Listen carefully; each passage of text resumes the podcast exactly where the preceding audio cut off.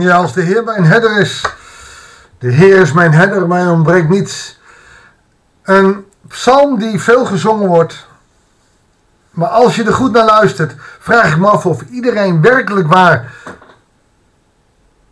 de Heer als herder heeft of het ontbreekt mij niets letterlijk kan zeggen.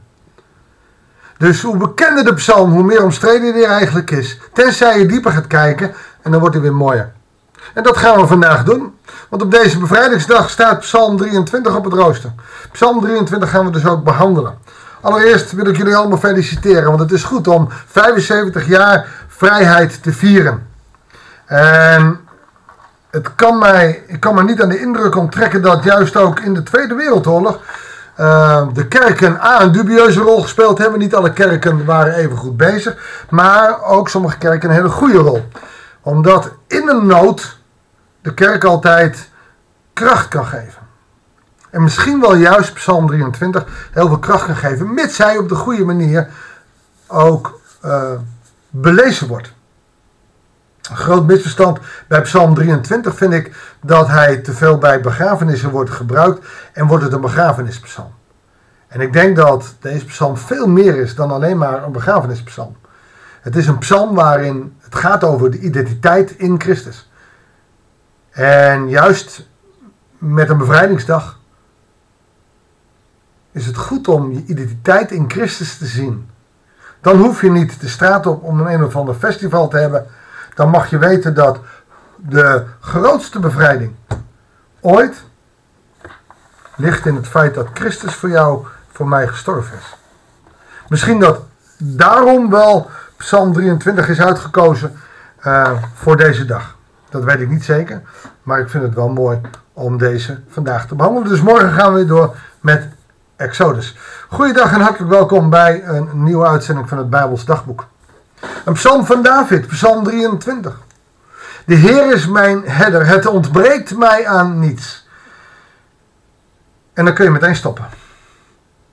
Want hoeveel van jullie kunnen werkelijk waar zeggen met David dat het ons aan niets ontbreekt?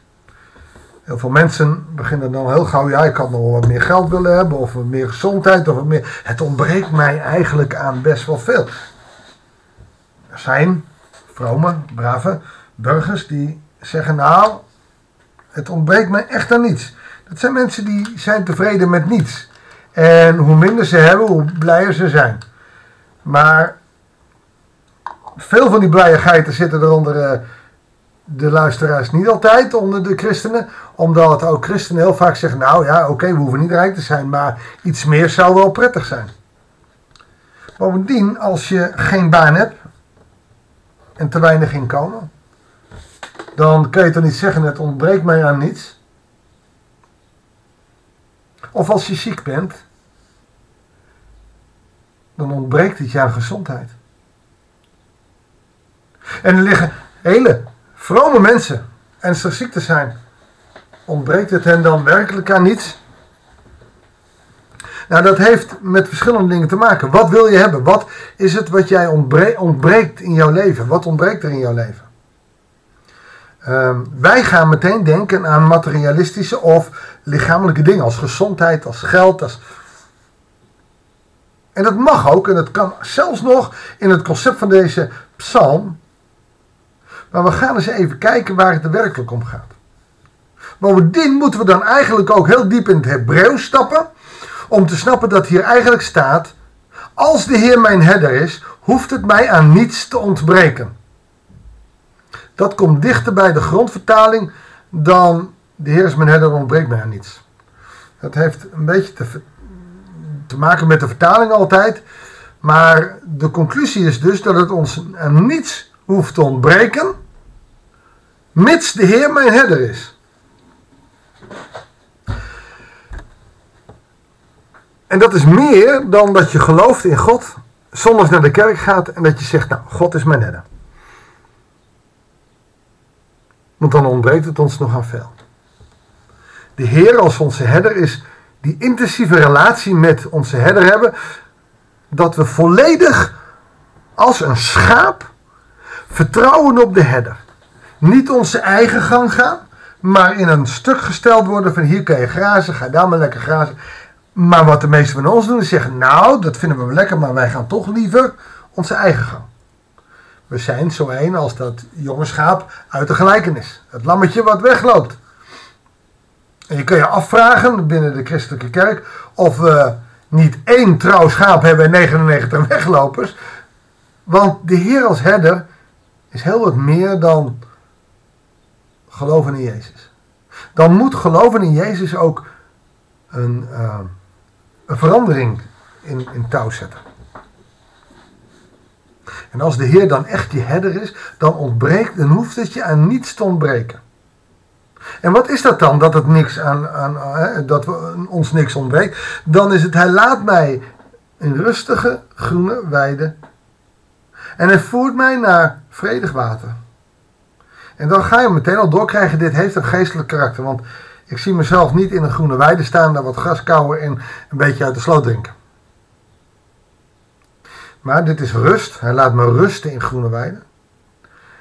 We zullen drinken van het levend water. En dat geeft me nieuwe kracht. Maar dan kom ik nu terug naar een oudere vertaling. Ik gebruik altijd het eh, MBV. Maar ik ga nu toch even met jullie welnemen naar de MBG, die uit 1951. Ook daar staat, Heer is mijn herder, mij ontbreekt niets.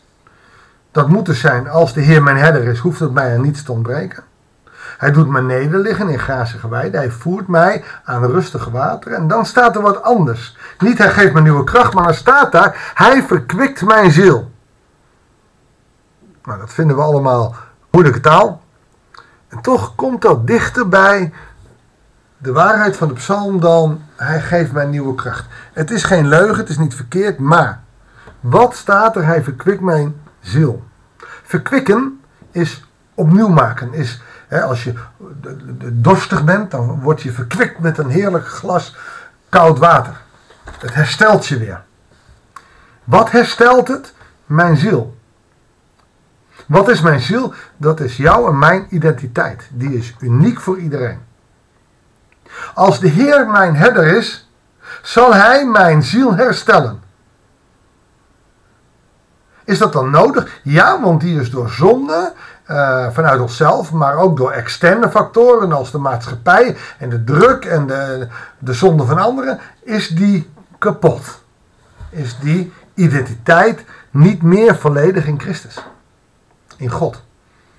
Laten we maar even bij de psalmtaal houden, dan, want toen was Jezus er nog niet. Dus je identiteit moet in God liggen. Dan zul je rust hebben, dan zul je water drinken, dus nooit geen dorst meer hebben. En dan hoeft het je dus niets aan niets te ontbreken. Dus als de Heer mijn herder is, verkwikt hij mijn ziel. Als ik een relatie heb met Jezus, zal hij, als ik dat toelaat als schaap en niet wegloop van hem, zal hij mijn ziel kunnen herstellen. Zie je dat het opeens een veel technischer, veel breder verhaal wordt dan alleen maar dat schaapje en dat herdertje?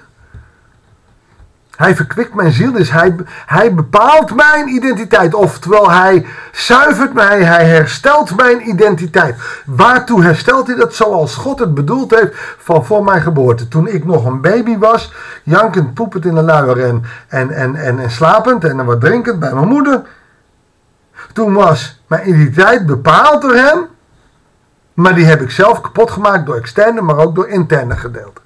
Door onze zonde, door de maatschappij is onze identiteit vergruist naar het wereldse. En zijn we veel makkelijk van de wereld. En dan zal het ons aan veel ontbreken. Want als het aan de wereld ligt, ben ik straatarm.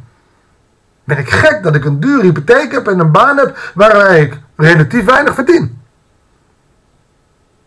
Had dan je studie afgemaakt, dan had je dan nog meer kunnen verdienen. Nou, allemaal want daar gaat het mij helemaal niet om. Maar mijn identiteit ligt niet in mijn geld, niet in mijn werk, niet in mijn relatie. Mijn identiteit ligt in God. En ik wil met mijn Heer, de herder, met Jezus, een intensief contact hebben. En wat gebeurt er dan als mijn identiteit in Hem ligt? Dan leidt Hij mij op rechte sporen. Zelfs al ga ik door een dal van diepe luisternis, hoef ik niet bang te zijn. Ook niet in coronacrisistijd. En dat wilden ze in de oorlog ook niet zijn. Dat zal moeilijk zijn geweest, omdat de dood toen voor veel meer mensen op de loer stond. Maar als mijn identiteit in Christus ligt, dan ben ik ook niet eens bang voor de dood, want dat zal de stap zijn naar het Hemels Koninkrijk. Ga ik nog even door, want ik zie dat we al over tijd zijn. Uw stok en uw staf, dat is ook een interessante. Die vertroostte mij. Maar die stok, daar sloeg hij mee. En die staf gooide in steentjes mee. Pok, om erbij te houden. Dat is de tucht. Dat is de strenge God. Maar daar worden we door vertroost. Dus alleen maar een lieve God, daar worden we niet voor vertroost. Daar worden we ongelukkig van. We hebben die strenge God ook nodig om, om gerechtigheid te ontvangen in deze tijd. En wat doet hij dan? Als jij op hem gericht bent, dan mag je aan de tafel bij hem. En dan zal iedereen denken, oh wat heeft hij of zij het goed. En dat heb ik niet. Hoe kan dat nou? Omdat je je identiteit niet in Christus hebt. Nou, er is dus nog heel veel over te zeggen. Het is een prachtige psalm. Veel mooier en dieper dan alleen maar een oppervlakkige. De Heer is mijn herder. Je ziet dat er heel veel in zit. Een prachtige psalm. Lees hem maar eens vlak na psalm 22. Als, als je eerst leest daar. Mijn God, mijn God, waarom heeft u mij verlaten? En dan lees je Psalm 23, niet ver daarna geschreven. De Heer is mijn herder. Het ontbreekt mij aan niets. Zullen we kort in gebed gaan? Heere God, wilt u onze herder zijn? Wil door de kracht van uw Heilige Geest ons geloof zo groot laten zijn dat wij totaal afhankelijk kunnen en mogen zijn van u. Heer, dat